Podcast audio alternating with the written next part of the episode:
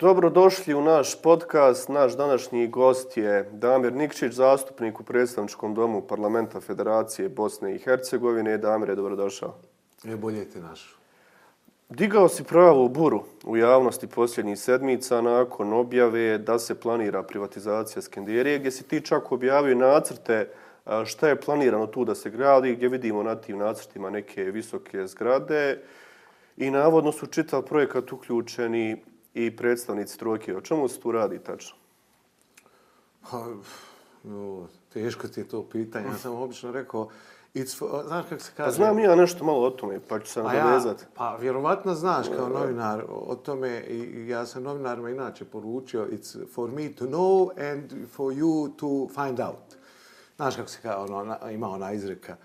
E, e, ja nešto znam, ali pošto sam politički ovaj, i, i kako se to aktivan, ja ne volio da, da ja to vodim i nešto tvrdim, ja bih najviše volio da nezavisno novinarstvo sve to istraži. Evo, idu ljudi, traži, imao sam ja i, i ovaj, izjavu sa slobodnom, kako, kako se to će, ono, zove, Slobodna Evropa. Da, da. Ovaj, I to sve vidim da su, da, da ozbiljno istražuju. Znači, po, neko je pokušao da objasni da ja to izmišljam. Obično tako, znači, whistleblower, ono, zviždač.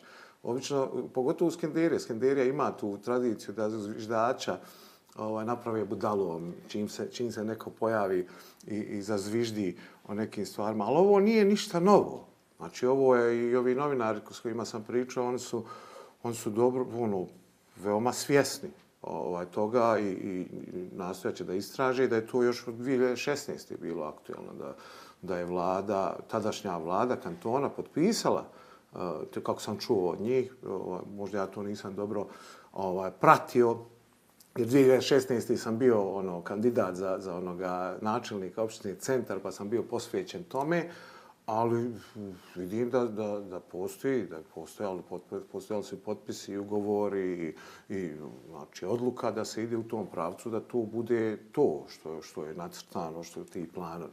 Znači da, da je to sasvim bilo o, ovaj, javno. E sad, naš problem je u tome, moje pitanje kao zastupnika, kao nekoga ako nema namjeru da bude e, u izvršnoj vlasti, da bude ministar ili da bude neki premijer ili da učestvujem u izvršnoj vlasti, već volim da budem u klupama, zastupničkim klupama.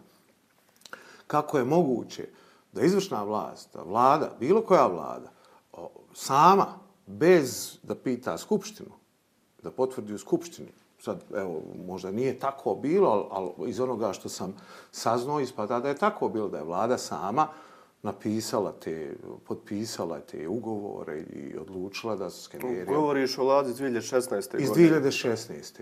I odlučila da, da, da se ide s tim. A da nije provjerila sa Skupštinom ljudima koji predstavljaju građane. Da, ali prošlo je od tada već sedam godina. Mi smo odmah radili priču nakon tvoje objave jer si zaista zatalasao neke stvari u javnosti i Faru Kapidžić, kojeg smo imali za sagovornika, nam je rekao tu je plan koji Dino Konaković već jako dugo pokušava provesti, ima on svoj investitor itd. Da bismo mi nazvali Konakovića poslije toga koji je kazao vrlo otvorno da, ja imam plan da se Skenderija obnovi, imamo investitore, u pitanju su ljudi iz Arabskih Emirata, iz Dubaja, Pa to I tu je, znači i tu je, izmišljam. I tu je, ne, tu je investicija koja treba uh, skenderi, skenderiju treba obnoviti, privatni kapital je poželjan i uh, čak je rekao uh, da ga frustrira što političari trojke po pitanju tih razvojnih projekata su često plašljivi, neodlučni, što ne podržavaju takve stvari. Evo, kako ti to tumačiš? To, to, to, mislim, to bit plašljiv i neodlučan, to isto kad, da ti neko kaže haj sad skoči sa, sa litice, šta je, bojiš se. Da, mislim, ja ne želim da, da mi skočimo sa litice, ja ne želim da mi ostanemo bez, bez skenderije onakva kakva jeste. Znači, skenderija, kompleks skenderija, rad toga sam išao, 22. sam, ovaj, e, nije 22. 2020. sam kao samostalni tada sam bio, jel da, još uvijek sam bio samostalni zastupnik, imao tu inicijativu da, da se proglasi e, kulturno, kako se to zove, kulturno-istorijskim e, objektom, e, odnosno nasljeđem prve kategorije i u izvornom obliku. Znači, to je malo da, da je zaštićeni objekt.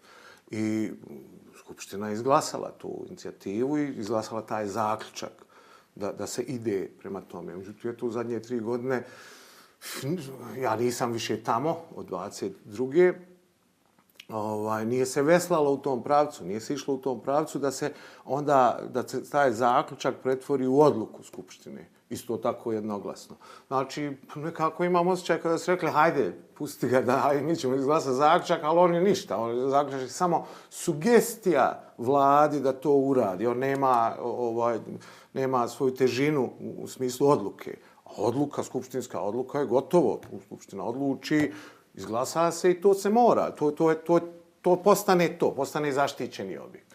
I nije se radilo, na to nije se ispunilo to sve i sad Valjda su ljudi misli, hajde, zaboravit će se, zna, doće nova, nova garnitura i nova većina i to sve.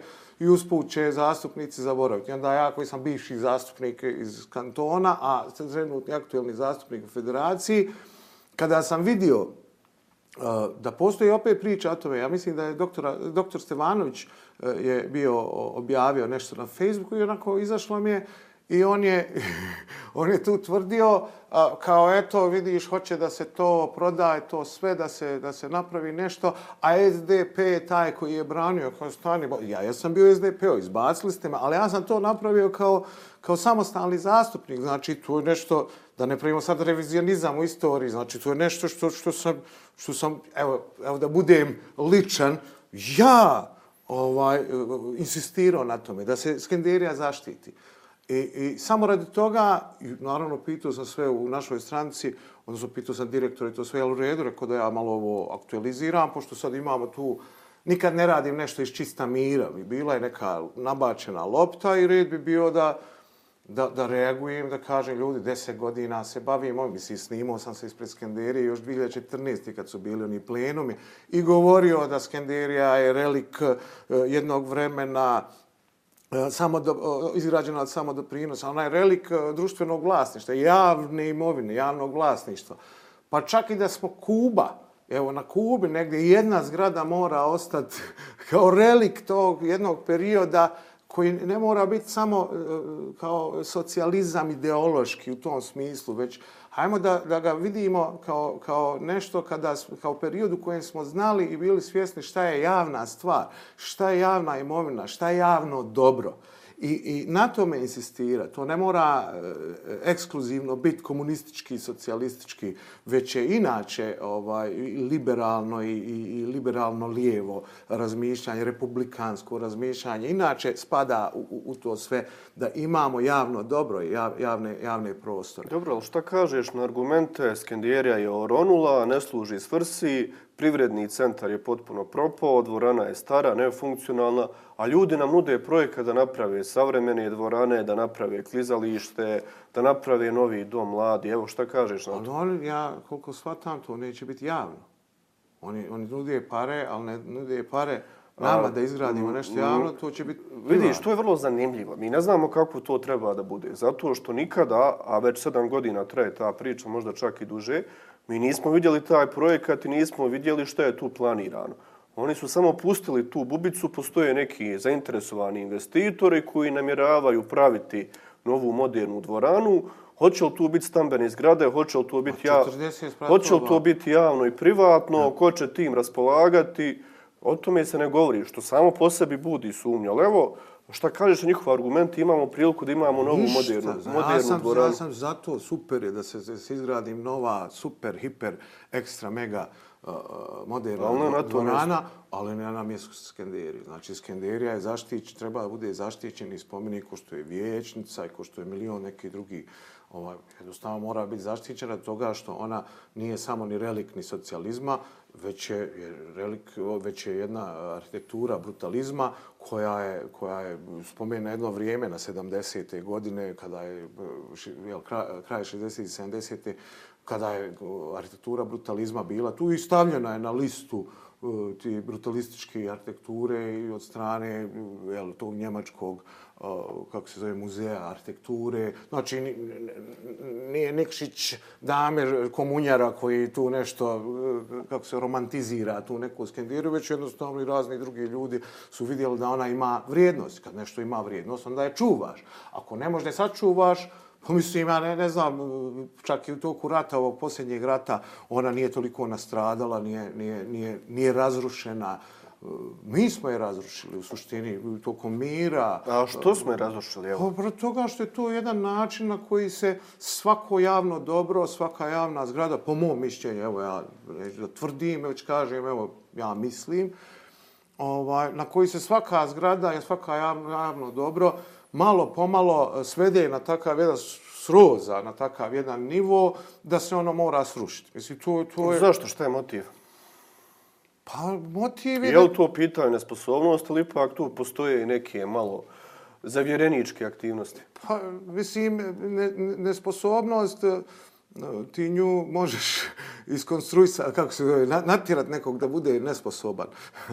Može i tako, ali ovaj, ne bi ja vid, ne bi sad da je to zavjerenički, ne zavjerenički, nek, nek sami ljudi odluče, ali ja sam primijetio jednu stvar. Dakle, ima, ja to zovem strategija ili nije strategija, ili kako se to zove, model ili, ili metoda e, kvrcnutog oluka.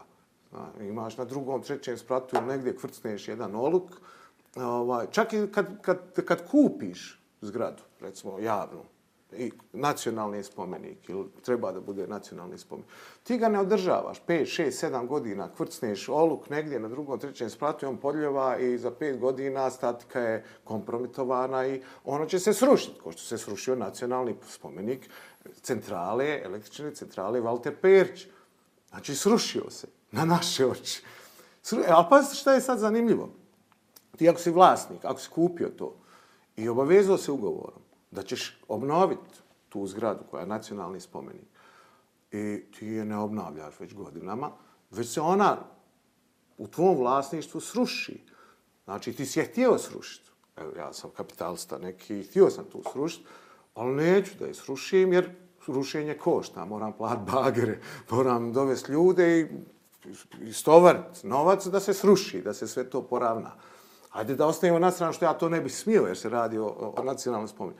Ne, ti samo pustiš, to, to, to je jedna vladavina nehata. Znači, ti samo pustiš da se to orone i onda taxpayers, znači porezni obveznici, građani, plate, država plati da to tebi, u ovom slučaju, jel, zamišljam da sam ja taj investitor, da meni dođu i da mi lijepo učine uslugu, da mi sruše tu zgradu, znači ne moram platiti rušenje, ka, e, evo sada smo sve dočerali, plac imaš, sad radi šta god hoćeš. Ja bih volio da ovaj prestane s tim da da malo više te neke da, da, da se malo prođe kroz te ugovore. Znači, kako je moguće da je neko potpisao neki ugovor i ima u svom vlasništvu hisetu tu hidrocentralu e, Walter Perić, i trebao bi da je obnovi. Ne, ona propadne. Da li postoje penali u tom ugovoru? Da li se ugovor može raskinuti na konto toga? Pazi, propalo je, trebao si obnoviti, propalo je, e sada ćemo penale, nek sad moraš platiti nešto, jer mi to sad moramo tebi oduzeti, jer nisi ispunio ugovor. Ja ništa ne znam o čemu se radi. Znači, Faruk je super, Faruk je ovaj, želi da zaštiti Iskenderiju, da je stavi na, na listu nacionalnih spomenika, ali evo, za, za vrijeme njegovog voća, znači za vrijeme njegovog termina je srušila se, srozala se hidrocentrala. Mene je sada, baš me interesuje šta će nacionalna komisija uraditi po tom pitanju. Da li ona ima pravo da uđe u ugovor ili da, da, da revidira na koji način reaguje državna komisija. Ističe mu mandat uskoro u ne vezi, kogo bude sjedio na njegovom mjestu. Ako se već toliko za, zalažu za to sve, a evo da vidimo šta je sa hidrocentralom. Znači, tako na taj isti način propadaju svi drugi objekti. A pred našim očima, u sred grada, u centru grada, baš u tom kompleksu Skenderije, gdje bi trebalo da bude ta, ta, to Sarajevo na vodi i to, to nešto, nestaju zgrade. Nestaju zgrade, propadaju nacionalni spomenici, zaštićeni, znači kulturno-historijsko, e, arhitektonska nasljeđa, nestaju pred našim očima bez da je iko odgovora. Ali evo kad smo kod toga, e, sam spominje činjenicu da stvari nestaju, propadaju, Skenderija se danas stvarno nalazi u jako lošem stanju. A, privredni grad, ostalo je tek nekoliko radnjica, ledena dvorana, krov se urušio i već stoji tako deseta godina bez da to iko obnavlja. Onaj tamo pozadinski dio Skenderije prema Grbavci je u katastrofalnom stanju. Ono je, Izgleda ako... ono iš, išarano, slušeno. Maje, one, bolje izgledaju one piramide na nalazišta. Puno, puno, ono, ko, ko da je upravo bombardovanje bilo na to, na to mjesto, tako izgleda od prilike. Da ne spominjem da su potpuno neadekvatno, neprimjereno sve u bijelo ofarbali, iako je upravo sivi beton i smisao. Nije bijelo, neka je nijansa. Ba neka, bež nešto. Bež, zelenkasta. Iako je pojenta čitavog tog kompleksa, jeste da on bude u betonu i da bude, da bude sivi. A, jest, evo, kako obnoviti Skendijeru? Jer mi a, slušamo godinama kritike kada se pojavi privatni investitor, slušamo, ne damo, nećemo, A dok za to vrijeme svi ti objekti propadaju, ja zaista ne vidim da iko ponudi rješenje. Dajte ljudi, evo, treba uraditi to i to. Od državnih para, o ministarstvo da se uključi, premijer da se uključi. Uglavnom se to sve pušta propadanju i onda kada se pojavi ideja moglo bi se privatizovati, mogao bi ući privatni kapital, onda, onda se zatalasa, ali to traje vrlo kratko i smiri se sve. Ta skenderija propada 15 godina i niko ništa yes, ne radi po tom yes. pitanju. Ja, ja mislim da je jedino na, najbolje rješenje je to na čemu ja insistiram, sad ne znam hoće li me poslušati ili neće. Ne mora biti ovaj, da, da spadne, ne moramo sad mi čekati da to bude nacionalni, proglašen nacionalni spomenik na državnom nivou. Ne mora, ovaj, lijepo je što to Faruk želi, i, ovaj, ali ne moramo to sačekati. Ja mislim da kanton to može srediti na, na, kont, na osnovu ove uh, moje inicijative. Znači, uh, treba se napraviti eh, jedan elaborat od strane kult, ovoga Zavoda za kulturno-istorijsko uh, ovaj, i, i prirodno nasljeđe, gdje moje prijedlog. Znači, moj prijedlog da bi tim elaboratom zaštite i reno, uh, ni renoviranja, kako se to kaže, rekonstrukcije, restauracije ovaj, Skenderije, kompleksa Skenderije, da bi uh, se uključio samo vanjština. Znači, samo vanjski dio, on mora da bude, znači, da se sastruže ona no, farba, da se ponovo pojavi beton, da se napravi krov, da se sve napravi izvana kako je bilo u originalnom, kako to stoji u mojoj onoj e, inicijativi i kako je usvojeno u suštini od, od, od, od ove zaključka, ja, znači, to stoji u zaključku, usvojeno strane Skupštine, u originalnom obliku. Znači, one naranđaste pločice, Italijani su već jednom napravili njih i, ponov, i donirali kad se poslije rata to rekonstruisalo i to sve. Sve to vrati, taj vanjski dio, skloniti one trgovke koje pritišću ovaj, statiku ovoga dole tr, uh, grada, a unutra, unutra ostaviti da se može modernizirati, da se može napraviti šta, šta, šta, šta treba. Znači, ako hoćeš zlatne liftove unutra da praviš, ne znam, ako ćeš bazen da napraviš umjesto ledene dvorane, radi ti šta, ali uh, vanjština mora da bude, jer ona je, uh, arhitektura bruta je koncipirana kao skulptura. Arhitekta koji je pravio arhitekturu brutu, on nju napravi kao skulpturu, onda unutra napravi sadržaj, ono, prostorije. Ali ona, ona treba da je svana izgleda kao skulptura i ta skulptura betonska, ona mora da se održi i da bude ono, da, da, se, da se nametne, da, da, da, da ima neki apil, da ima neku, neku svoju, ovaj, onako kad ulazimo u Sarajevo. I to je ta skenderija. I nji, mi nju možemo, mi nju možemo svana ovaj, popraviti, dovesti u to originalno stanje, a unutra sadržaj i to sve, oh, mora, ono, imamo pravo da uradimo, da modernizujemo i da, da napravimo. Ima li kanto novca za to? Pa slušajte, ja mislim da ovaj, ko, to, to sa raznim nekim fondovima... Koji evropski fondovi podržavaju ja, takve projekte? Koji, koji su, pa ja sam čuo i za neka, kao, ne znam, ne znam tačno kako se zovu, da je Evropa imala i za to posebne fondove za, za, za te rekonstrukcije starih dijelova grada, kao Lijepa, Beautiful Europe, ili tako nešto, nemojte me sad za riječ uzma. ovaj, koji se mogu povući da se to uradi. To znači, to može napisati neki projekt, nije, nije, nikav, nije nikav problem. Ali je vrlo bitno da on ide prema tom elaboratu stručnjačkom, stručnom, da su stručnjaci napisali taj elaborat, da to nije, ej, hajmo ovo, hajmo, sad, sad je Skandirija ostala, ono, počne se priča nećemo, onda odjednom se svi počnu petljati u to šta bi to trebalo da bude. A, a stručnjaci su već od, od 2016. pa preko 2018. 19. već su govorili o svemu tome. Govorili o važnosti toga, niko ne sluša te ljude. E sad, ja kažem, hajmo se naći na pola puta. Evo, nećemo ići u rekonstrukciju u smislu da svaka lajsnica mora biti ista kao iz 69. Hajmo je napraviti da je svana to, a, i, i da, da to bude to, a unutra mi možemo modernizirati salu i to sve. E sad ljudi kažu, slušajte, kaže, sala nije adekvatna za profesionalni sport. Stvarno, ma, malo sjedišta ima, ali ne mora. To je javno mjesto, to je javni prostor. Ta sala i ta košarka i sve što se tamo dešava, to može da bude za omladinu, za, za, za, za, za, za građane i građane, da bude znači, javno mjesto. Ako ćemo profesionalni sport ili bilo šta, pa, napravi se, napravi se nešto i jel, klubovi su danas privatni, nisu, nisu državni. Pa kod nas nisu.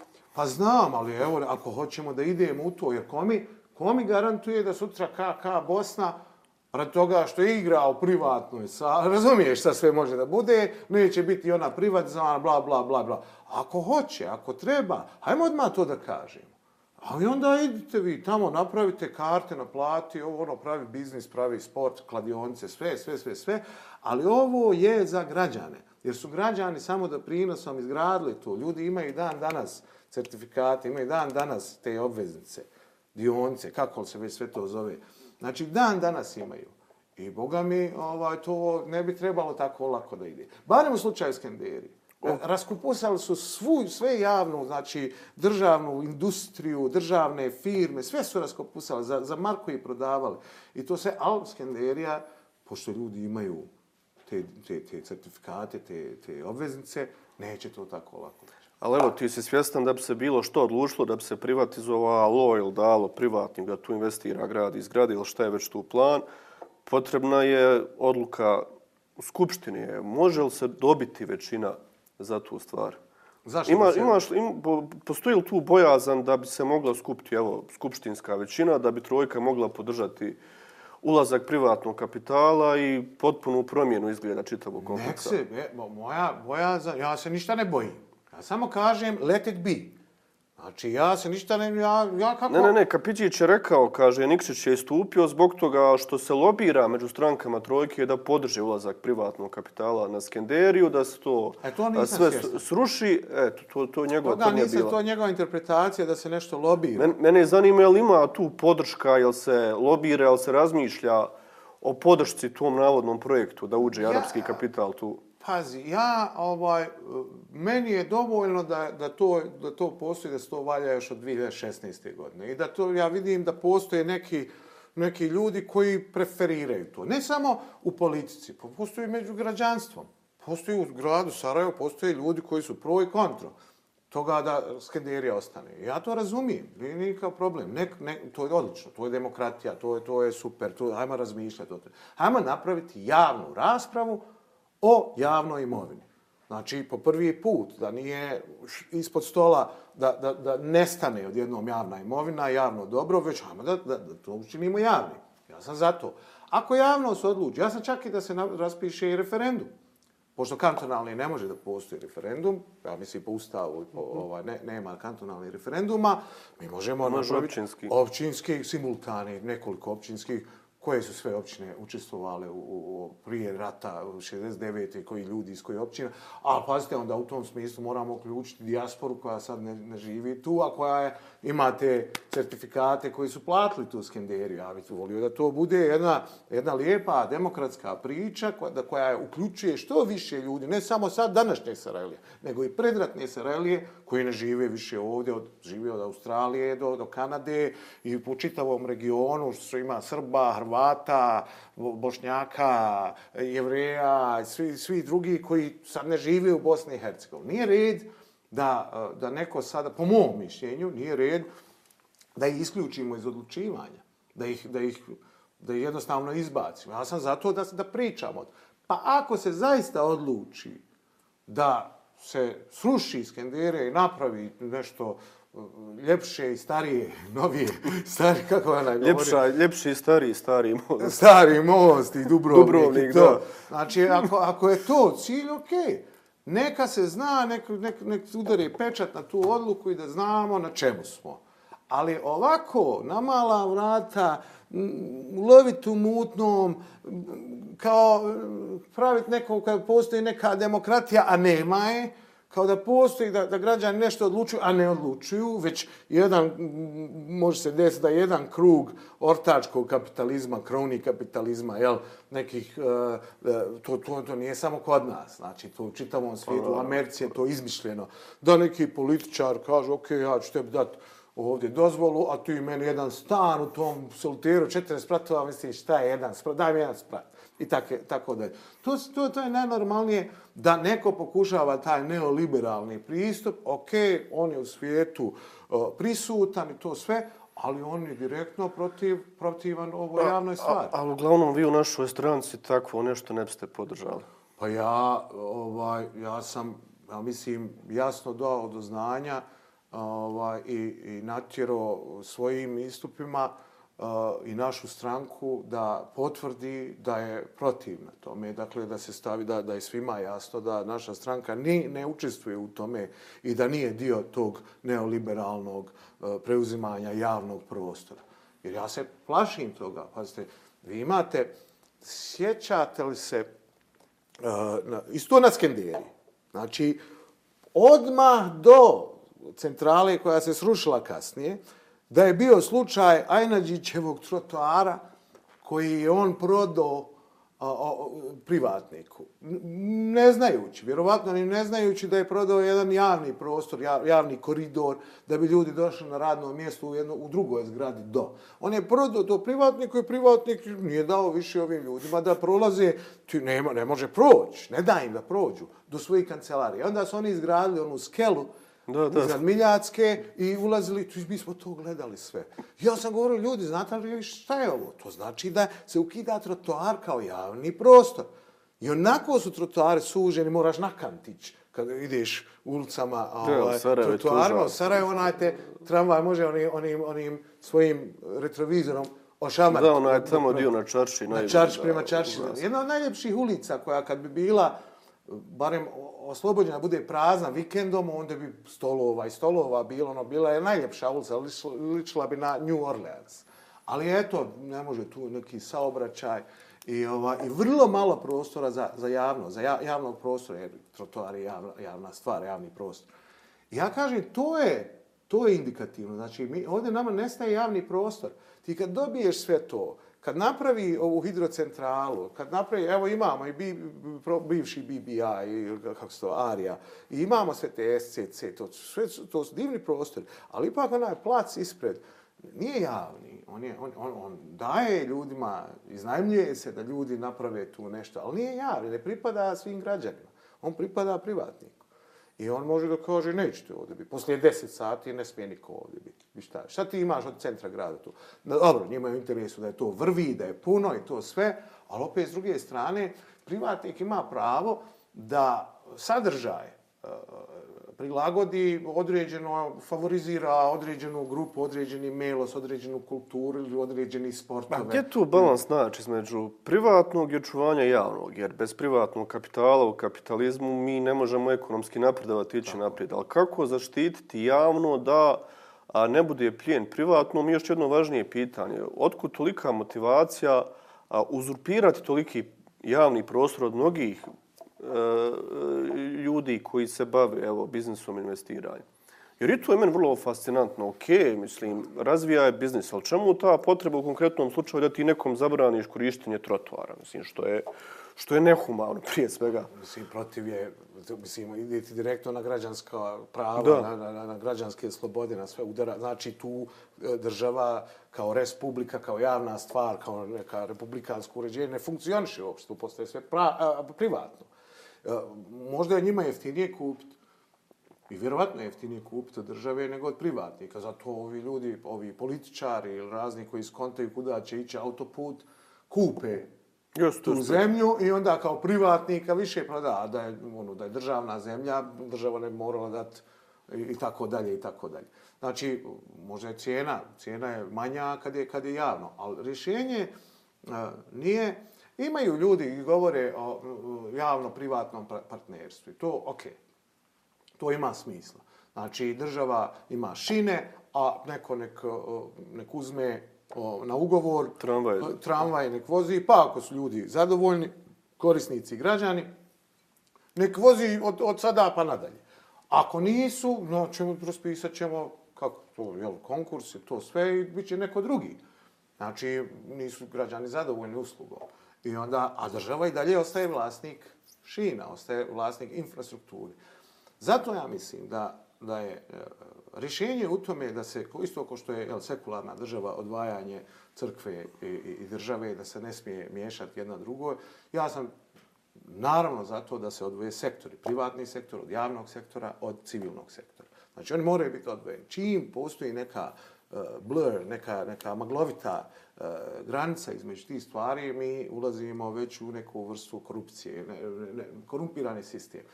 Eh, po mom mišljenju, Javna stvar je, eh, pripada građanima. Javna imovina javna, pripada građanima. Mi kao predstavnici građana koji me izaberu, to ja, jeste moja glavna zadaća i uloga ne samo da branim i odbranim tu javnu, tu javnu stvar, i javnu, javnu imovinu, javnu, javno dobro, već da ga i razvijam. Znači, e, mi moramo graditi, mi moramo, država mora graditi. Znači, kad sam u državi, kad, kad sam na vlasti, to sve, ja se bavim javnim.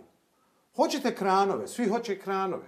Ok, eno vam pedijatrija, gore na, na jezeru, eno dvije zgrade su urušene, izvolite gradite. Gradite ljudima obdaništa, gradite ljudima biblioteke. Ali zašto je država toliko loša u upravljanju javnim?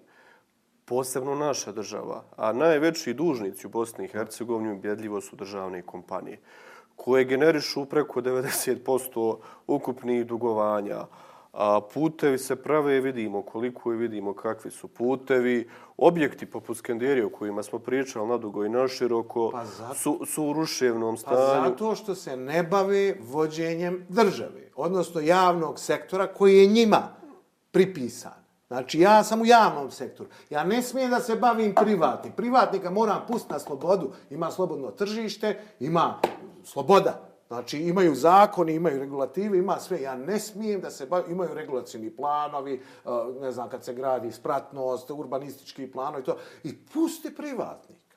Osim ako ne želiš eto, da mu diktira. Ja bi recimo, kad bi, kad bi bio u, u koprodukciji, jel, to privatno, državno, ja bi recimo, pošto Sarajevo, evo recimo jedan primjer, pošto Sarajevo nema parking prostora, ili ne znam, kažem privatniku, evo izgradi na ovom placu ovdje, on je zadu, ono, tu treba da bude parking. Evo izgradi zgradu, su tri sprata, četiri sprata dole, četiri sprata gore, ali pošto ti ja to dajem, da to uradiš, moj uslov, moram ti dati neki uslov.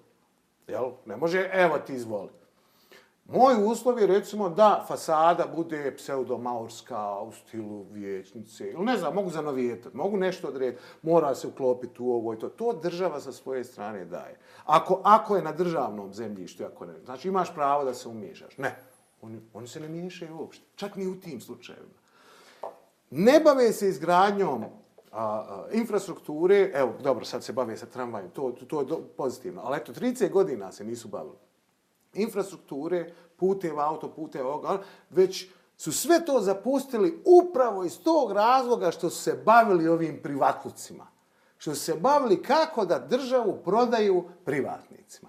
I radi toga mi imamo preduzeća koja, koja, koja, koja se oronjavaju, radi toga što neki privatnik hoće da ih otkupi, pa ne znam, A, evo, izvin, može li uopšte biti uspješno preduzeće a, koje je plijen političkih stranaka u koje se onda uhljebljuju, ko se uhljebljuju? Pa ne uhljebljuju dobro, se je- najbolji menadžeri, to je- nego, ja, nego poslušni stranački kadrovi koji se tu postavljaju da bi bili poslušni svojim šefovima i da bi se te kompanije koristile kao kasce prasce, da ispunjavaju volju i uslove koje im postavljaju političke garniture koji su ih tu postavili. Mi takve primjere a, nepotizma, mačehinskog upravljanja državnim kompanijama imamo na svim nivoima u Bosni i Hercegovini. I naravno rezultat je da te firme propadaju, stvaraju, stvaraju ogromne gubitke, yes.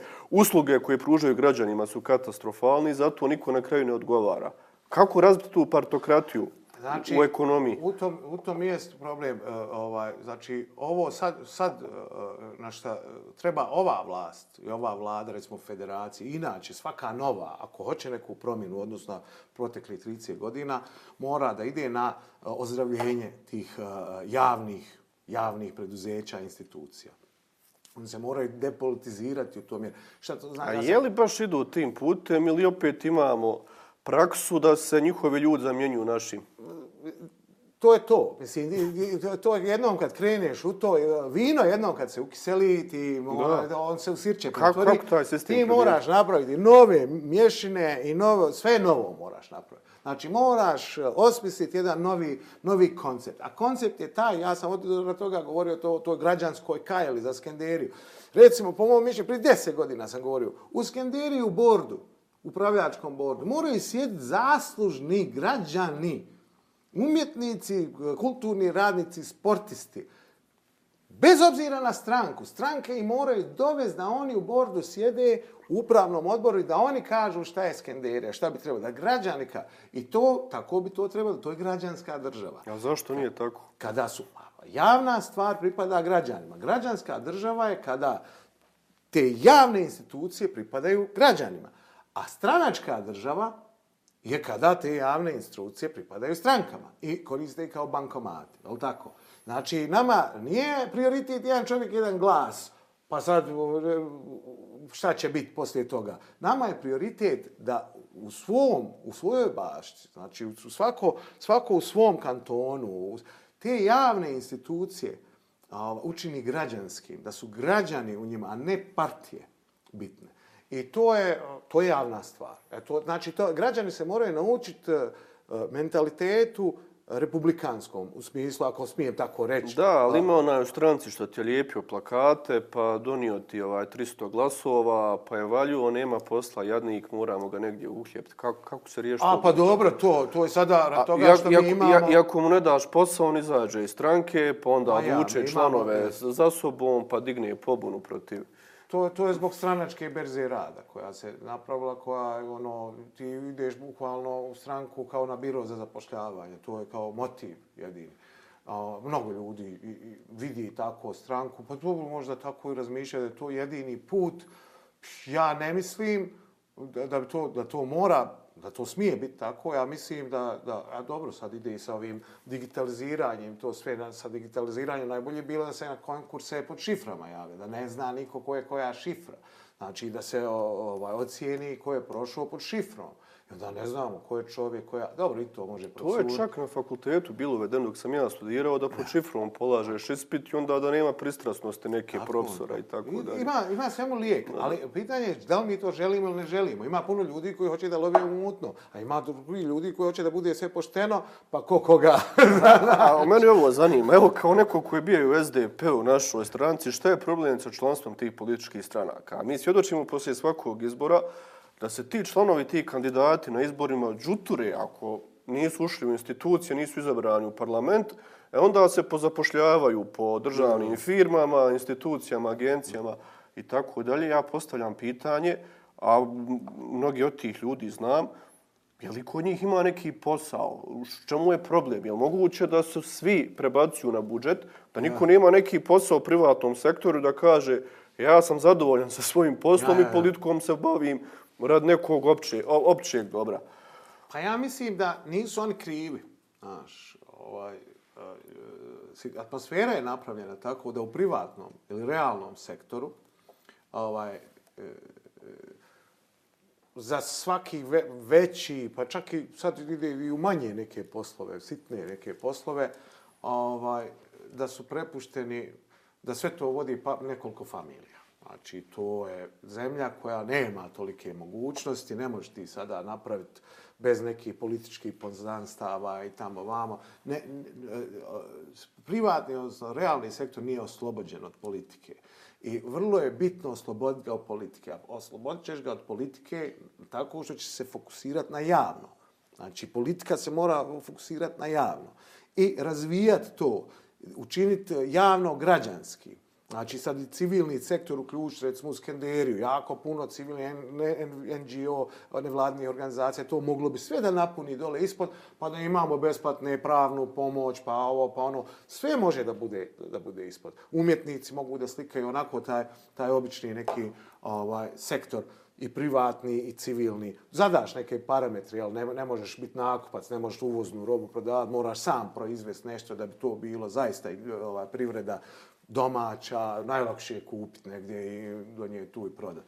E, znači, e, moraš se baviti tim. A, a ovo privatno moraš, moraš pustiti. Ljudi bježe iz privatnog rad toga što, što, što su pokušali u privatnom i onda na neko im je 3, 4, 5, 6 puta zovno inspekciju, neko koje koji ne voli ili ne znam šta, ili koji ima poznanstvo, inspekt, pojma nema kako to je sve. I uništeni su i biznisi. Znači, uništiti biznis, bez, bez, nisi zaštićen. Ne, ne, ne, ništa nije sigurno u privatnom sektoru. Tu uh, ljudi se bore za monopol. Znamo za cijevi, kanalizacijone cijevi, da je samo jedna familija mogla da, da ugrađuje cijevi ovaj, kanalizaj, vodovodne kanalizacijone u Sarajevu. Što je, što je, ne, znači, napisan je onaj, raspisan je tender, da mora, specifikacija cijevi je bila taka da samo ta jedan ima te cijevi. I ne smije niko drugi. Pa onda imaš ti tu i kriminala i prijetnje i svega. Šta, šta tu ti misliš, hoćeš meni da pa uzmeš dobro, posao i tako dalje. Ali ja bi, se, ja, ja bi se vratio na to. Dakle, uh, u privatnom sektoru ljudi uglavnom bježe od politike. Da. Nemaju vremena ići po sastancima, ne interesira ih. Neće tamo, posebno uspješni ljudi, neće tamo da oni moraju se dodvoravati neki... Ma i dosadno. Da, da, da, tačke dnevnog reda. Neki, ovo, nekim ono, šefovima u strankama i tako dalje. S druge strane, ja vidim u političkim strankama masu ljudi koji mimo te politike nisu apsolutno ništa napravili u svom životu. Ja sam vrlo skeptičan i zabrnut da takvi osobe kada, su, osobe kada sutra zauzmu bilo kakve pozicije, Neće zaista mogu isporučiti neki konkretan rezultat. Jer ako ti ništa nisi radio u životu, nemaš dodira sa privredom, nemaš nikakve veze sa vođenjem, kako ćeš te bilo šta kvalitetno voditi, a država ti to daje. Ja mislim da je ta kadrovska politika... Stranački aparatici. Jedno od rak rana ovog društva. Ja znam tu čak i pojedinci koji imaju jako dobre volje, ali oni ne znaju raditi, ne nisu imali iskustvo, ne znaju kako, kako. Ne znaju čak ni izabrati savjetnike, ne znaju, ne, ne znaju, ne znaju napraviti tim. Ne pa znaju. kako, kako sposobni ljude privući u politiku? Pa, nema, mislim, I želi, želi li ih jedna plate, stranka? Plate u tim javnim institucijama i javnim preduzećima su male, odnosno, dobro, možda i nisu neki direktori, imaju dobre plate. Direktori imaju, ali, ali evo, recimo, ministarske to nisu toliko koliko su direktorske, ovaj, koliko sam shvatio.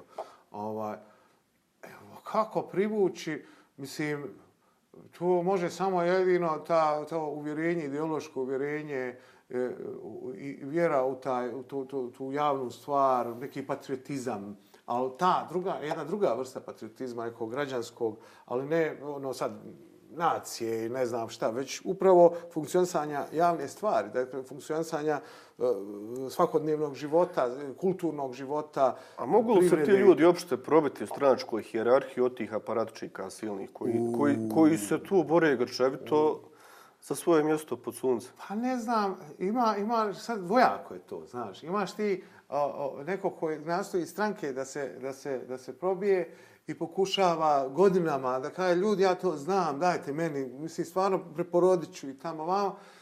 I onda, znaš, ti si nekako uvijek na očima, ali tamo ima jedan koji onako se čini interesantno, on bi mogao. Uvijek je neko tamo, neki nepoznati ili neka nepoznanica ili nešto, eto on, je, on bi mogao biti taj neki genij koji će nas spasti. I to ima tako, često u životu se desi tako, kad si dobar prijatelj s nekim, nikad ti, ono, zbog prijateljstva nekako, ne, opet i, i, ide u prilog i to, to tvoje teorije zašto bi gra, i stranački aparačici se zaposlili ovaj, u to. I očigledno pokušavaju na pogrešan način. Očigledno je mnogo bolje da neš ništa sa strankom, ali da se dokažeš kao neki mačak koji zna nešto ekonomiju, onda te stranka moli, hajde ti dođi, budi naš. Sve zavisi sada ovaj, od strategije, od taktike koju koristiš, onako individualno, ali ovaj kažem ti o, o, sim to su to su parametri varijable koje o, koje nikako da stavimo na papir da se suočimo s njima čak ni u samim strankama da kažem hej možda griješimo kad radimo ovo a možda griješimo kada mislimo da je neki tamo genijalac ne znam Ali e, ja mislim da u svemu tome e, mora biti transparentnije, mora biti otvoreni razgovor svega toga. Znači, ne radi se to moje, moj plijen, moj, stra, e, moj izborni plijen, moj ratni plijen, moj, moje, moje. Nego moraš da shvatiš da to pripada svim građanima i građanka, da si ti tu samo došao da o, o, jednu, jednu, jednu, jedan krug obrneš. I to je to. I ako se pokaže da je dobro, vjerovatno će ti ljudi dati šansu da obrneš još jedan krug. I na to se moraju ljudi fokusirati. Ali ne možeš obrnuti krug jer te e, iz raznih drugih nivoa e, vlasti koče. I onda pokušavaju da dokažu da si nesposoban, bez obzira koliko si sposoban. Znači ti imaš ljude koji su pravo sposobni i rekli su i vjerovali su to i došli su na to mjesto i kaže propalo sve. Propalo jer mu ovaj šef njegov stranački, jer ima sad stranačku vertikalu vlasti koja se uvukla tu, kaže, e sad mi stovari odavde ne znam koliko mm. miliona treba za predizbornu i tamo mamo. I naravno da praviš onda ovaj, da praviš manjak. Mislim, to je, strašno je to, ja ne bi tim ljudima bio u koži. Znači, to je strašno. A, ti si u javnosti široj postao poznat umjetnik, prije svega A prvi hit ti je bio koji ja pamtim If I Wasn't Muslim za koji si nagradu dobio. Jeste, treće sam jeste, to napravio, jeste, jeste. pete je bilo izvedeno. Jeste, baš kod Sanada u dnevniku je to ja. prikazano i to ogromnu pažnju privuklo ovdje bum izazvalo. A, radiosko konceptualni umjetnik, na kraju si uh, i one klipove snimao što isto hit bio na YouTube gdje ja. ti privatno opisuješ ja. na vrlo onako originalan i sarkastičan način neke naše mentalitetske pojave. I na kraju si ušao u politiku. Evo, što je tebe motivisalo da uđeš? Ha vidiš, ja sam, ja sam se recimo bavio tu If I Was Muslim je nastao u vrijeme, znači to nastao je u vremenu od 2001. kada su Twin Towers uh, pali, uh, pa do 2003. kada je Amerika krenula u... Ti su u Americi tad živio? Ja sam tad bio u Americi. I uh, kada je Amerika krenula u rat protiv Iraka, Afganistana, to u invaziju. Na, na konto toga, I onda sam osjetio sam tu atmosferu ovaj, unutar Amerike 2001. godine. Bio sam jedan prvi umjetnika ovaj, koji su, a zarad toga što sam imao neke odlične primjere i uzore umjetnosti, američkoj umjetnosti, uh, James Luna, recimo, on je indijanac, native american, koji uh, govori iz svoje, kako se zove, iz svoje grupe kritikuje američke, američko društvo. Uh, još uh, ti, ti na, raznih umjetnika uh, African American uh, uh, ovaj, el, koji su kritikovali istoriju američke kako se, američku istoriju i ulogu crnaca, jel, Afrikan Amerikanaca, afričkih Amerikanaca i gdje je njihova uloga u muzejima i tako dalje, tako ima divnih radova. Znači, tamo gdje je silverware, gdje je srebr, srebrno posuđe, to sve, onda on zvao se eh, Mining the Museum, ovaj, eh, siđe u muzej, siđe u, u depo muzeja i nađe lance ovaj, za, za, ovaj, za, za robove i stavi ga na to. Znači, to je bio dio istorije tog vremena iz kojeg je iz, iz perioda iz kojeg je to posuđe. To, to. I odlični uh, kritika je bili. Ja sam onako kao u tom folu uh, htio da napravim kritiku američkog društva, da su postali uh, antisemiti, uh, jer su protiv Arapa. Bukvalno čitavog arapskog svijeta, islamskog svijeta, najviše protiv toga arapske kulture, islamske i to sve.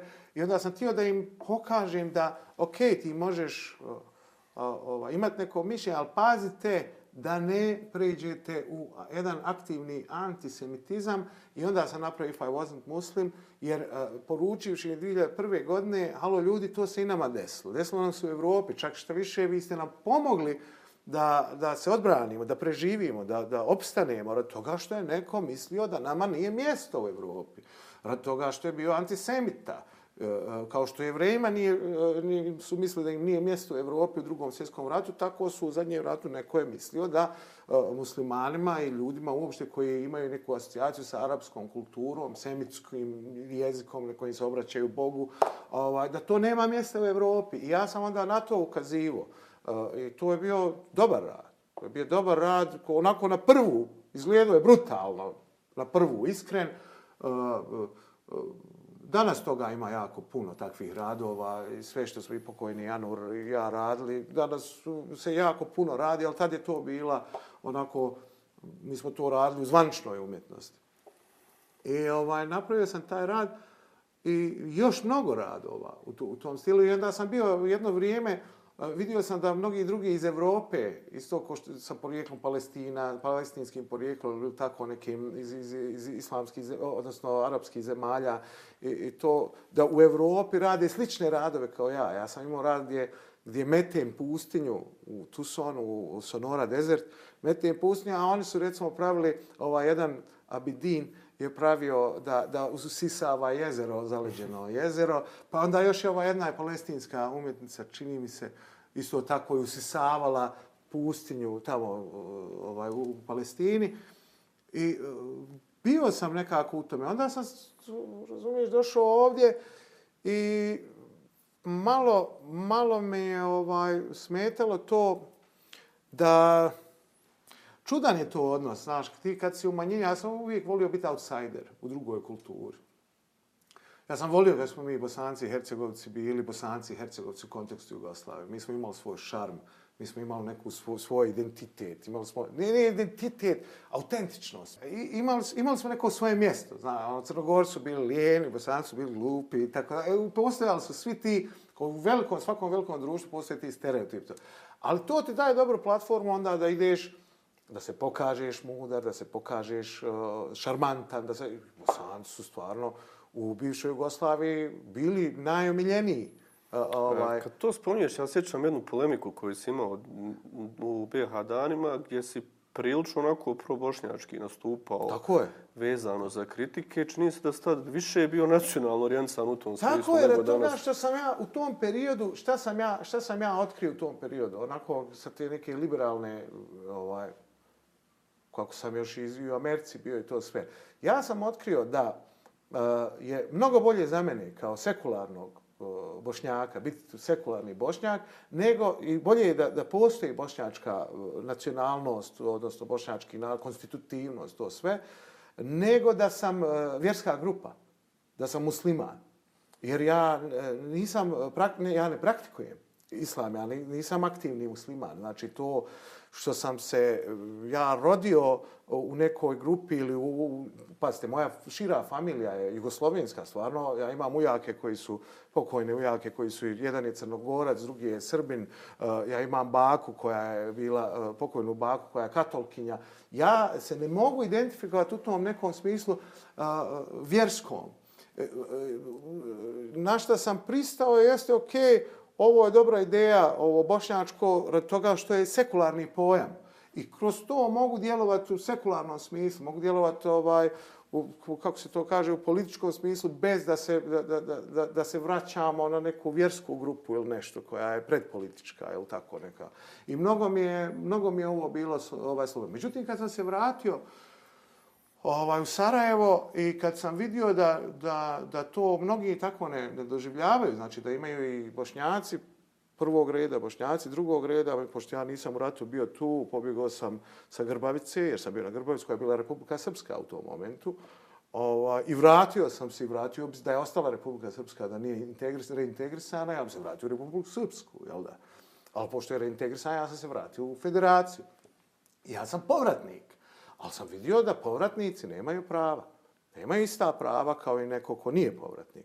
A... U kom smislu? Gdje, gdje si vidio tu razliku? Pa u svakodnevnom životu, u svemu tome, pa evo i do skora, do, do prošlih izbora, neko, čak su najveći ovaj, i neki ljudi, zvaničnici iz nekih strana kako govorili da, da, da, da mi ovakvi ne bi trebali da se kandidujemo.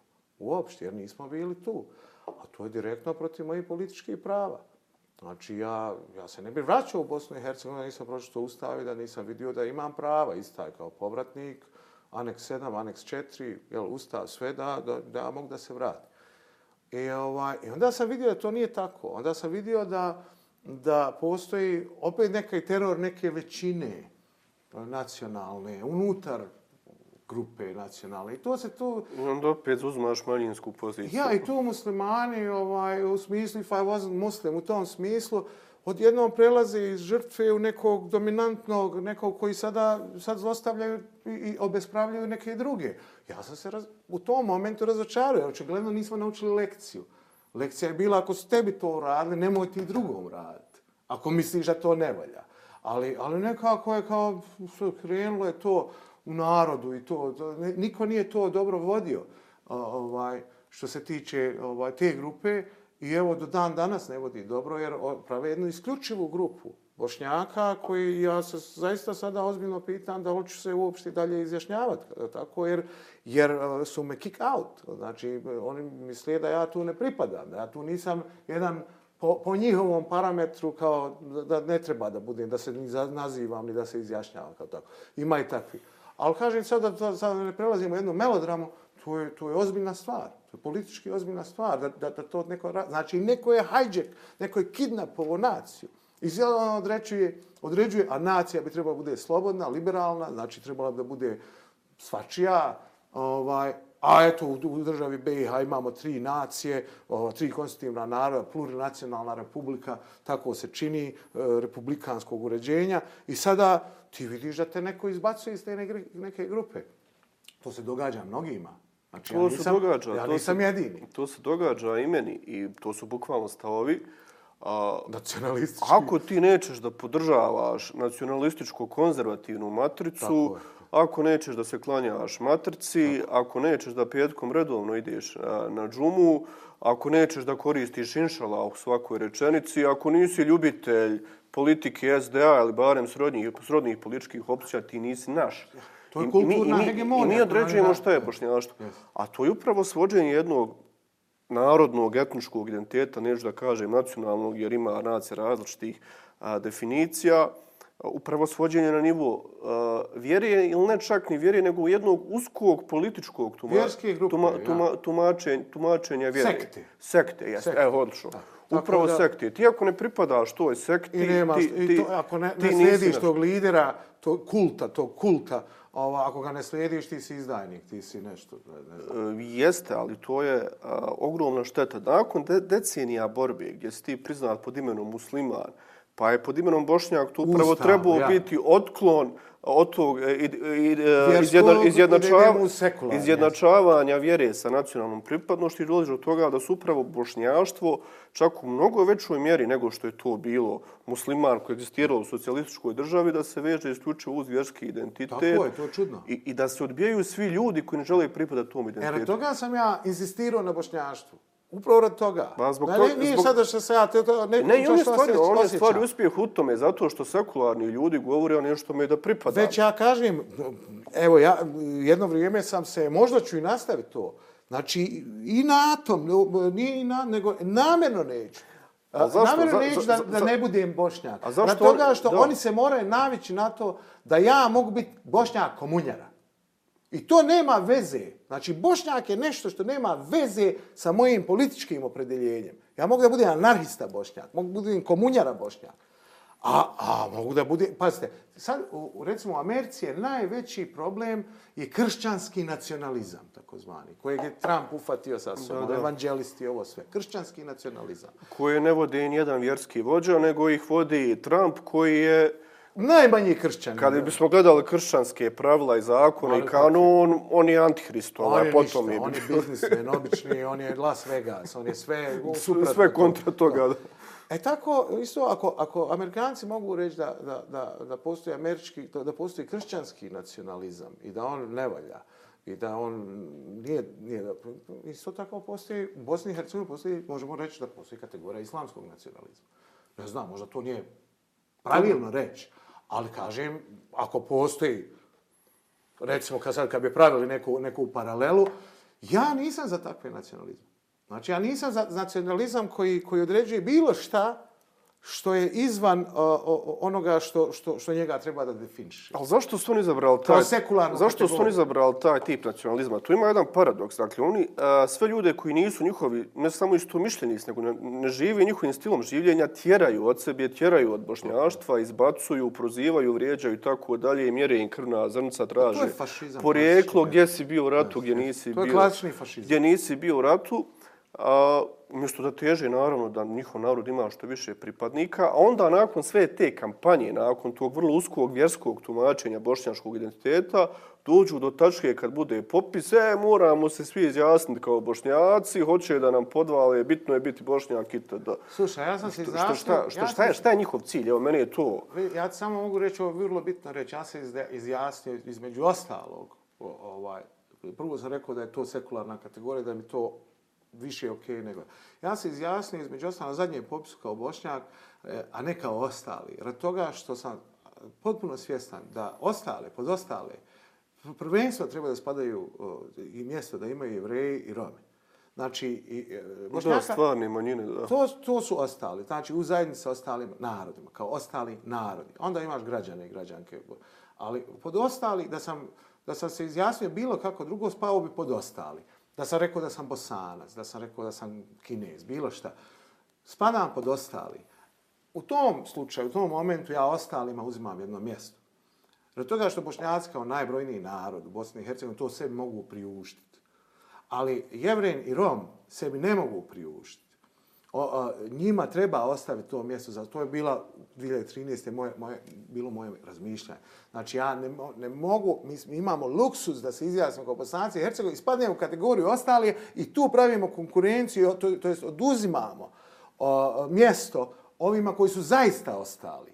Ja kažem da kogod može ili želi ili da se izjasni kao bošnjak, čak i ako je mješovit, je dobro zbog ovih ljudi ovdje. Jer da njima ostavimo to mjesto, sam, možda sam naivan, možda nisam, ali na kraju krajeva Obama, Obama koji je e, prvi crni predsjednik se izjasnio, mislim, e, javno je bio prepoznat kao crnac, kao crni predsjednik, kao African Amerika. Ali nije. On je mulat, brata, braka. On je iz mješovitog braka, njemu je mati Bjelkinja. Znači, on, on je svjesno odlučio da kaže, ne, ne, ja jesam mješovit.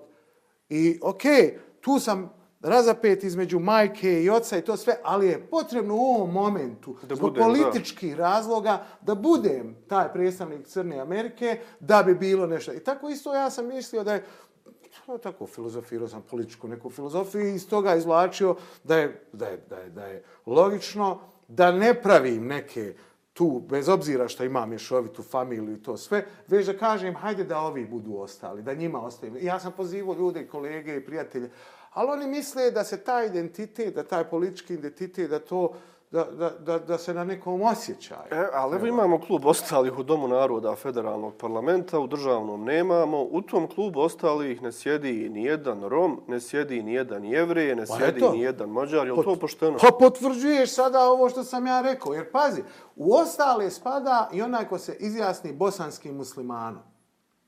Znači, Dević, kolega Dević, je jedno vrijeme bio bošnjak, e onda kad je trebalo da bude ostali, pod ostali, da iskoristi tu, on se izjasnio bosanski musliman. Sasvim legitimno. Bosanski musliman, tu je bošnjak na, na kvadrat, u suštini. A mislim, iz jel, možemo tako interpretirati. Ili možda nije s moje tačke gledišta, ja kažem da, da je bošnjak jel, više sekularni, ali evo, on je to iskoristio i on onda ide kao bosanski musliman, kao ostali. A to znači ono duplo duplo duplo oporezivanje kako se na dva puta se možeš ovaj prikazati iskoristiti i ovu stranu i ovu stranu. I to je po meni zloupotreba. Isto kao što je zloupotreba jel, kad se neko izjasni o, da je bošnjaka izjasni se za potrebe da ostane tu srbinom ili nešto jer potrebna je ta kvota ili nešto. I to je zloupotreba. Ali hej slušaj postoji individualna sloboda građanska sloboda ima pravo da se osjećam kako ja hoću da se izjasni kako ja Pa hoću dobro, zakonski se to ne može spriješiti, ali pitanje je li Ne to može. pošteno i je li moralno, ja mislim da nije. Pa zato sam, ali pazi, Zato ako ima ti sedam mjesta, ta crkavca u Domu naroda za ostale, pa rijed bi bio pustiti ostale ali da, da tu jeste, uđu. naj, ali pazi, ovo je najmoralnije u suštini. Sad malo zezancije. Da, da. Ja sam rekao, evo ja ću, Damir Nikić se zovem. Mogu biti Damir Nikšić, mogu biti Damir Nikšić. Nikšić može biti hrvatsko prezime i srpsko prezime i bošnjačko prezime. Damir može biti srpsko i, i hrvatsko i, i bošnjačko ime. Jel tako? Evo ja ću se uh, izjasniti, ja ću rotirati svoje izjašnjavanje. Kandiduješ se za predsjednika Bosne i Hercegovine i u rotirajući predsjednika da budu trojica pa se rotiraju.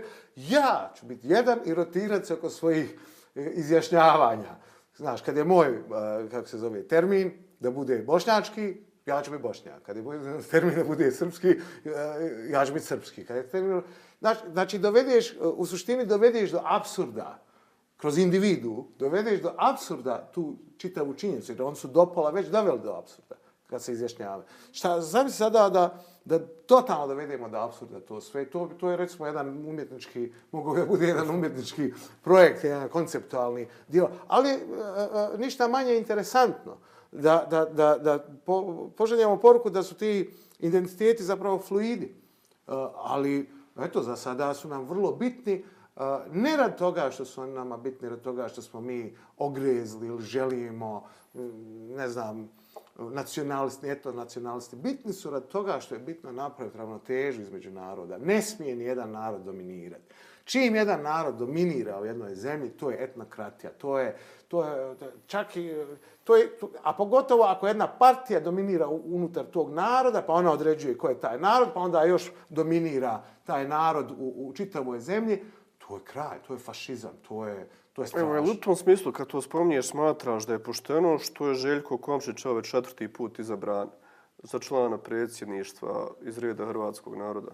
Pa naravno da, pazite, ovaj, ja ne vjerujem, ja ne vjerujem da ovaj, tu se koriste oba, ova, kako se, malo viski, malo Coca-Cola, i ovaj građanski i ovaj, kako se zove, etnički ili kako se već taj Ali i tu, i, i tu je meni nam vrlo onako... Opet kažem, uh, po istom principu, tu uh, uh, da, najbrojniji ali, narod sebi može priuštiti e, pa to, odliv, tu, tu, glasove tamo. Tu, tu je suština, a nisi, tu, ali ne, se... nisi na tu poziciju izabran kao predstavnik svih građana. Ti, Tako ti si izabran pri, na poziciju... Pristao si na etnički čl, princip. Člana Hrvata, predsjednik. Da ti rekao, ja ne prihvatam ovaj princip, ja sam za građansku državu. Ga, boj, onda ne mogu. Bojkotujem sistem. Kao što su komunisti bojkotovali sistem Kraljevnju Jugoslavije i tako, tako dalje. Ali ovo pošteno. Jesi ti ko većina mogućnost da nametneš tu? Nije, nije, nije to je meni ovaj, prvo, ne, ne samo da e, zvuči i liči na jedno veliko licemjerje, a, a, s jedne strane oportunizam, a, vrlo slično, to je slično koji je Obama, mislim, Obama je ovaj, taj minority ovaj, predstavnik koji je demokratska stranka, ova, kao manđurijskog kandidata stavila da crnačke glasove, bla, bla. E, nešto, su, nešto su tu napravili, tako je i Zlatko Lagumđija ovaj, napravio to, to kreirao to, to, taj, tu mogućnost tog lika, ovaj, inspirisao se, o, vjerovatno u Americi, jer je u Americi prije toga bilo, čini mi se, jel? Ili, ili ne, ili on prvi, ili on prvi to, jer su ovi pregovarali, razmišljali o tome, pojma ne, ja? ovaj, on je konstruisio to, to, to, to, taj tip, taj, tu mogućnost. E sad, ne radi se samo o tome što ti uh, lično, evo, ako si, ako si te uh, iz reda jednog naroda, a deklarišeš se kao građanski, a pristaješ na etnički princip i etnički koncept, već se radi o tome što ti e, kao neko ko dođe na tu najvišu poziciju predsjedničku poziciju, ne smiješ biti protiv Ustava. Ti si dao zakletvu da ćeš čuvati, braniti... Pa nije u skladu je s Ustavom. Ne, ne.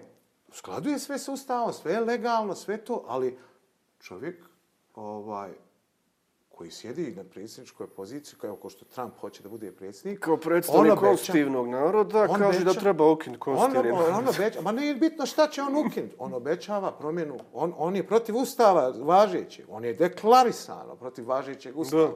I radi na tome da ga sruši da ga promijeni. Ko što i Trumpovci, Trumpovi ljudi rade na tome da sruši Constitution američki, da je promijene i da Trumpu daju ovaj, veću vlast. Evo, ovih dana se o tome radi.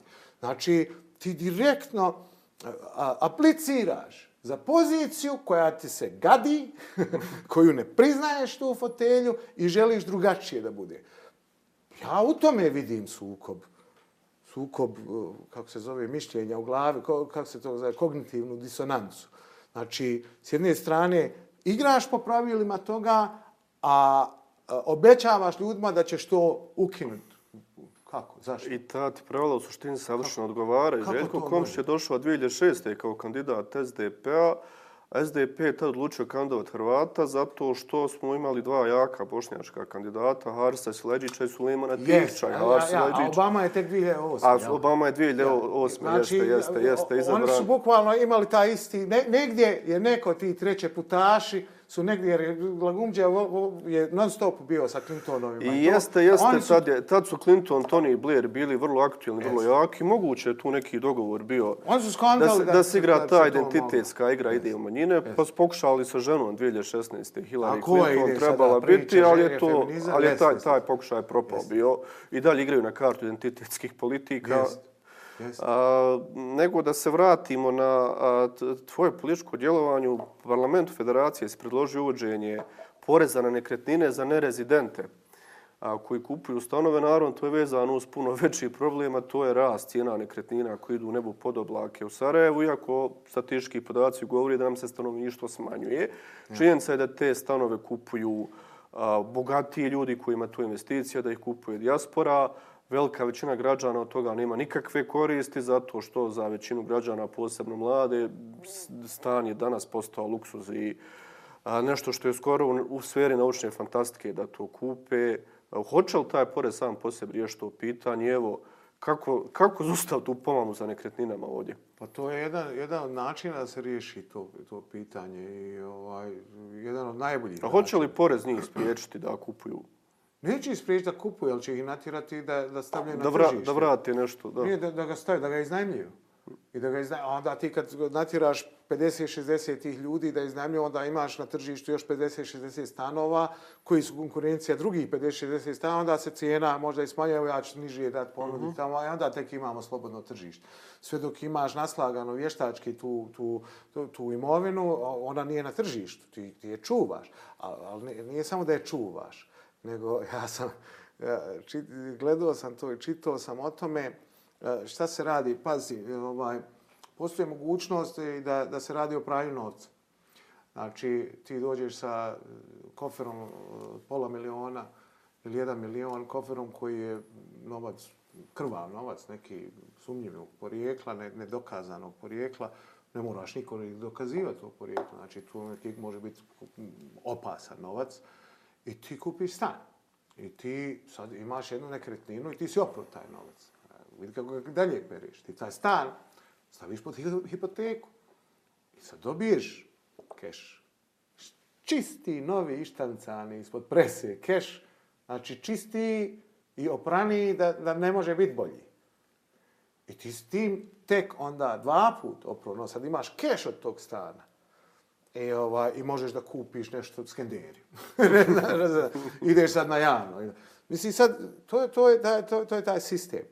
Uh, porez, uh, evo kad kažemo, ok, dok nemamo još uvijek zakona o, o utvrđivanju porijekla imovine koji, koji bi trebao da se donese, koji pita ih zašto neće da donesu. Meni, meni, meni ne smeta.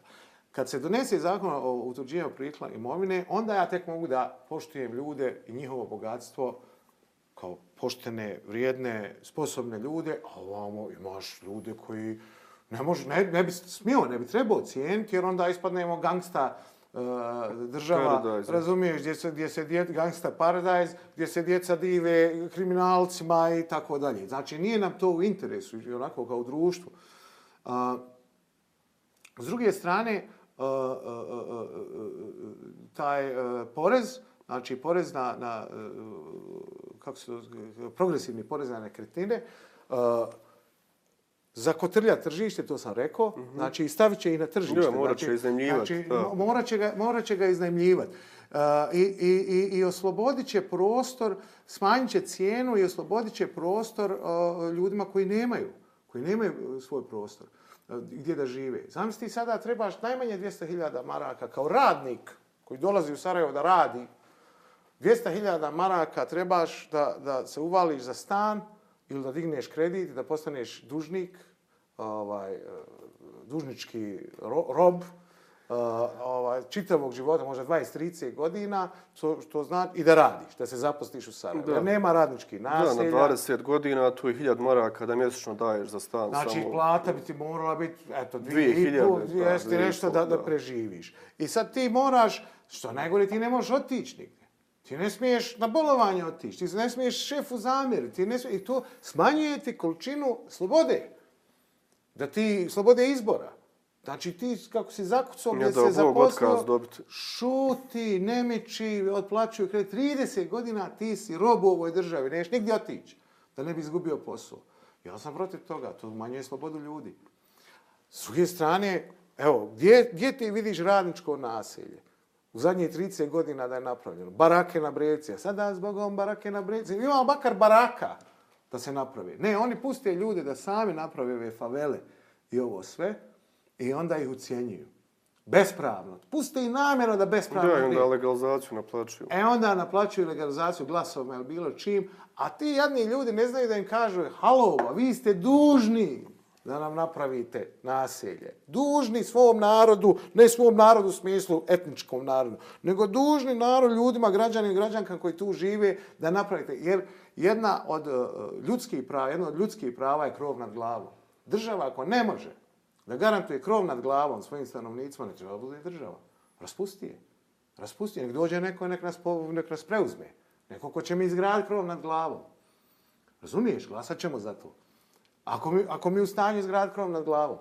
Radi se o tome što oni ne grade to i potrebna je gradnja tog e, sa, priuštivog stanovanja, gradnja, kako se to kaže, socijalnog Socijalno, stanovanja. Gdje ćemo s tim ljudima? Znači, moraš to graditi i ti kad to gradiš, cijene tih stanova koji su priuštive da iznajmiš za 300 maraka, za 200, otko znam koliko će biti, smanjuju i cijene ovih.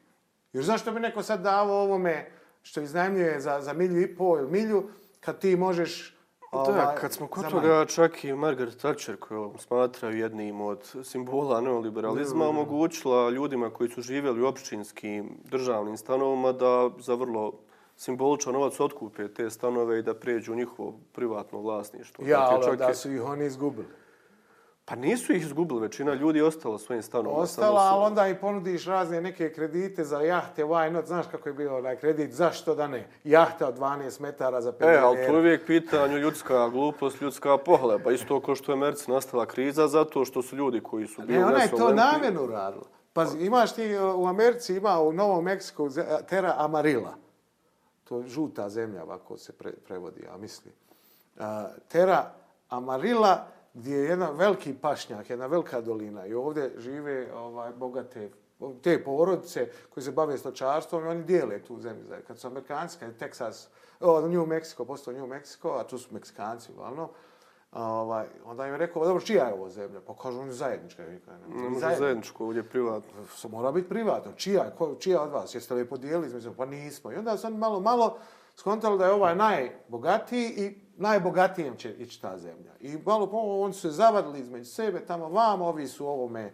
pomagali i on je dobio tu zemlju. E, onda kad si ti najbogatiji i kad imaš tu tu zemlju na sebi prepisan, onda mi tebe zovnemo na jednu večeru, pa malo da se popije, da se zabavi, pa malo i karata da se, da se poigra nekog pokera na kojem ćeš ti izgubiti svu tu zemlju. Jer a, drugačije da je bilo zajedničko, ne bi mogli izgubiti svu zemlju. Jer ima previše ljudi, ovi kao, meni nije do pokera tamo. Ali kad ti samo imaš, onda ja tebe mogu vrlo lako napit, prevart, e, nagovorit, da digneš neki kredit koji ne možeš da staviš, da ne možeš otplatiti, da staviš ovo pod hipoteku i da ti ja onda uzem. Gdje je tu, to je Margareta Thatcher radila. A gdje je tu individualna odgovornost? Pa nije ih ona natirala, to s kompanije privatne iskoristile to da urade od ljudi, kao što su Americi koristile da im uvalju nekretnine, kuće, stanove koje nisu mogli otplaćivati. Ali, ne treba tu ali, ništa individualno. To držiš e, javno, javno. Znači, to je javni, e, kako se zove, u, u javnom posjedu stanovi.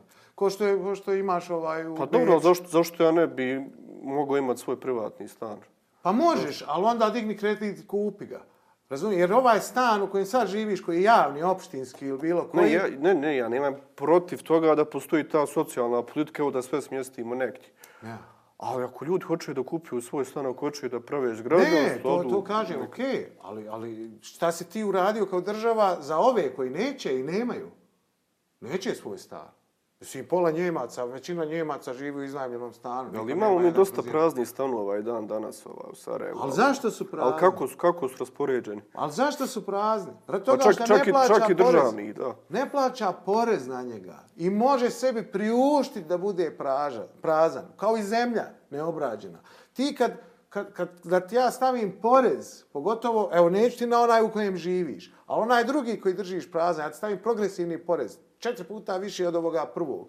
Ti ćeš ga morati iznajmljivati da isplatiš taj put, da vratiš meni porez, zato da, da isplatiš porez, čisto da se isplati, da ga imaš. Inače, ti je, inače moraš finansirati taj stan i moraš ga prodati. I kad ga moraš prodat, onda on ide lakše na tržište, jer ga moraš prodat. Kad ga ne moraš prodat, to ti isto koji ove cipele u sarajevskim radnjama poslije rata. Od prije rata italijanske cipele izblijedile na suncu.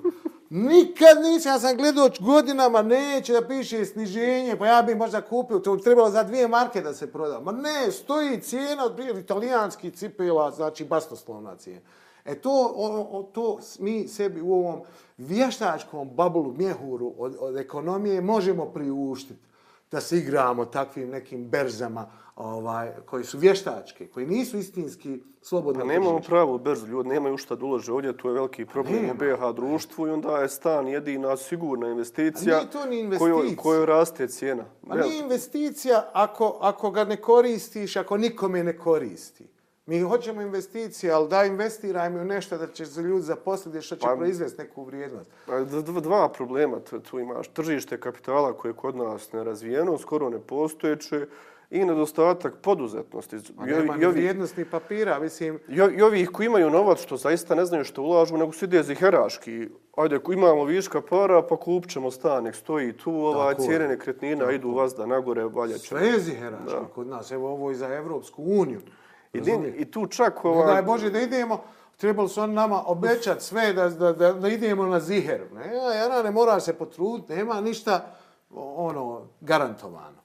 Moraš se malo potruditi. E, ovdje samo ziheraš, pa ta, ta čitava Pa to je, ekonomija. evo, za- zato sam ja skeptičan, država će to riješiti. Ne, ljudi, ljudi ovdje treba preodgajati, treba im govoriti, ok, ljudi, stan vam nije baš najpametnija investicija, posebno ako vam ne treba, ako već imate neku nekretninu, naslijedili ste, I šta ćeš im dati, šta ćeš im ponuditi? Evo, E, recimo, e, pa nema... pa ni nemaš- auto vam nije najbolja investicija, zagađuje tamo, ti moraš ponuditi javni prevoz. Ali, ali ne možeš ako imaš berzu ovaj, koja dnevno obrče 10.000 na Sarajevu.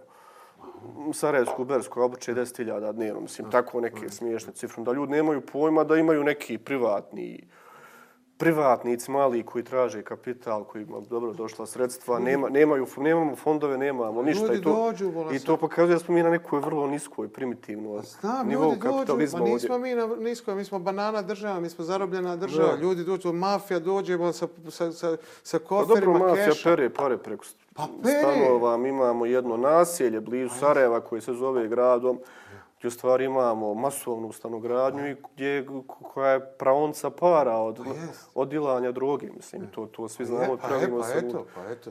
I to govori dublji problem da je ovo jedna banana Jest. mafijaška država. Znači, nemaš zakon o porijeklu, dokazivanja porijekla imovine kao prva stvar. Pazi, kako ćeš ti donijeti man, dvije torbe keša Pa što i će se, a što će se ko boriti protiv toga kad se 90% načelnika ugradi u sve te zgrade, Zna, sve te dobije projekte i tako dalje, sprat, to jest. E pa, pa, eto, pa to je zarobljena država. Dakle, to ti je to. Znači, što se načelnik bavi privatnim tamo ono, onim što, što on se uvezao, privatno javno partnerstvo, šta li je, i onda se ugradio tamo. Bavi se ti svojim. Pravi napravi ti meni biblioteku, napravi mi park, napravi mi obdanište, bavi se ti svojim. A ovo ćemo prepustiti ovome, slobodnom tržištu. A slobodno tržište ćeš natirati da postane slobodno tržište progresivnim porezima na nekretnine koje su prazne, koje, su- koje, koje nisu stavljene u službu. Znači, to je bukvalno porez na prazninu. Kao što Jusuf Hadžfezović ima ono, svoju prodavnicu praznina, to je porez na prazninu. Ne smije biti prazno, on to te više košta nego kad iznajmiš studentu. Znači, kad iznajmiš studentu, ja čak možemo napraviti mi zakone koji te oslobode poreza rad toga što je to neka vrsta stipendije tvoje studentu. Iznajmio studentu za 50 maraka, a trebalo za 500. Ovo ti nadoknadi država, odnosno odbije ti, ne, ne dati keš, nego ti odbije poreza rad toga što si neki benefaktor, neki, neki neko dobročinitelj nekom studentu. Sve može. Ako smo u kapitalizmu, ajmo da živimo kapitalizam. Ajmo da vidimo kako, kako sve može kapitalizam da, da bude povoljan, kako može da oslobodi porez za ljude. Ne znam, kupe moje slike, evo ovdje za, za ovaj hotel, e, pa, pa se oslobo, još oslobodi poreza za toga što je pomogao jednog umjetnika. I tako dalje, i tako dalje. Znači, ima tu razni ovaj, načina da se bavimo zakonima, kreativnih kreativni načina, dobri načina, a ne samo da, da šuti, ne diraj, ostavi status quo i onda vidiš rezultat je ono, jedna, jedna, jedna, jedna vrlo loša realnost. Ali može li se uopšte očistiti oliki stepen korupcije kad u njega uključeno toliko aktera, kada je to jedan začarani krug? Ja sam sve skeptičniji da se to može razbiti bez neke, nekog tsunami obračuna s kriminalom.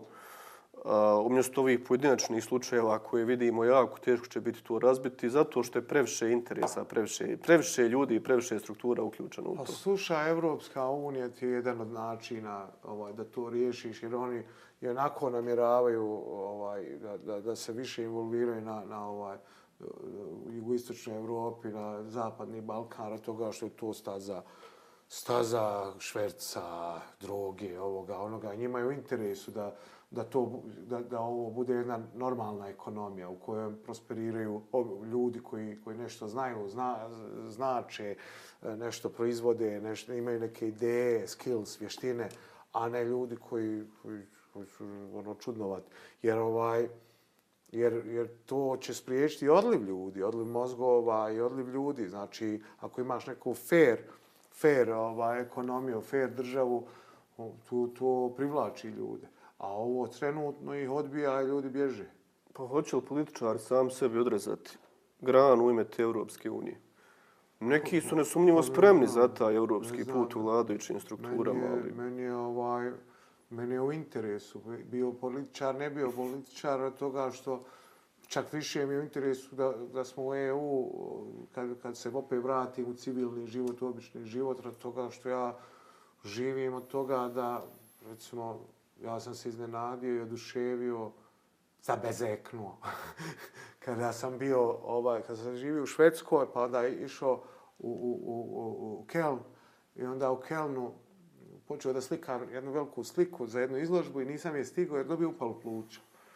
I od toga, ha, u Sarajevo, na, gore na one, kako se zove, gdje, kako se ono zove, ono, za pluć, plućne bolesti, ovaj, zaglavim i to sve, vratim, kasnije ozdravim, vratim se u Švedsku i meni uh, kustosca galerije šalje u Švedsku i sliku i sve boje koje sam koristio, dolazim re, regularno u Švedsku, ja sliku završim, uradim, boje ostavim sebi, jel, šta će njoj, i vratim i sve se to uradi bez da mi je bilo ko kopo po bojama, bez da mi je bilo ko naplatio, tražio neki ata, kako se ono zove, ovaj, što, što moraju bendovi da prijave svoje instrumente i ovo i ono, da, e, da, da, da, znači nikome nije pretreso, to je jedan biznis, znači na eBayu ti sada prodaješ šta god hoćeš, ovaj, ima uvezani su i porezi, plaćanje poreza u tvojoj zemlji, tamo sve otvoreno, sve je legalno, sve je legitimno i ti živiš kao jedan evropljanin na jednom evropskom tržištu. I radi toga mi je jako potrebno i, i želim da u ovom u mandatu i dok se bavim ovim da nekako izguramo, da se uhvatimo, da uđemo u tu Evropu, jer onda mi je lakše živjeti kad nisam u politici, svakome će biti lakše živjeti.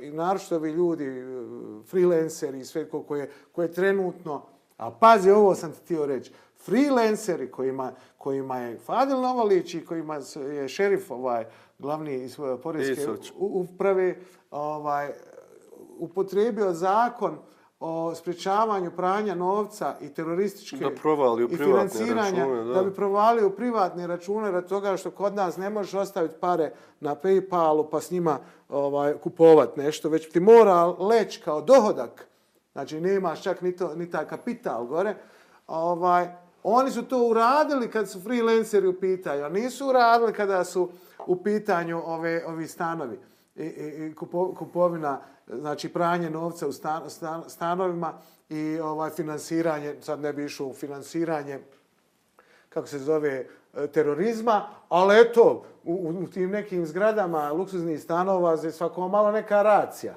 Svako malo se bori, bori protiv nekih opasnih kriminalaca. Znači, možemo i smatrati da malo, znaš, to malo i terorizira građane, ta pucnjava na ulici i to.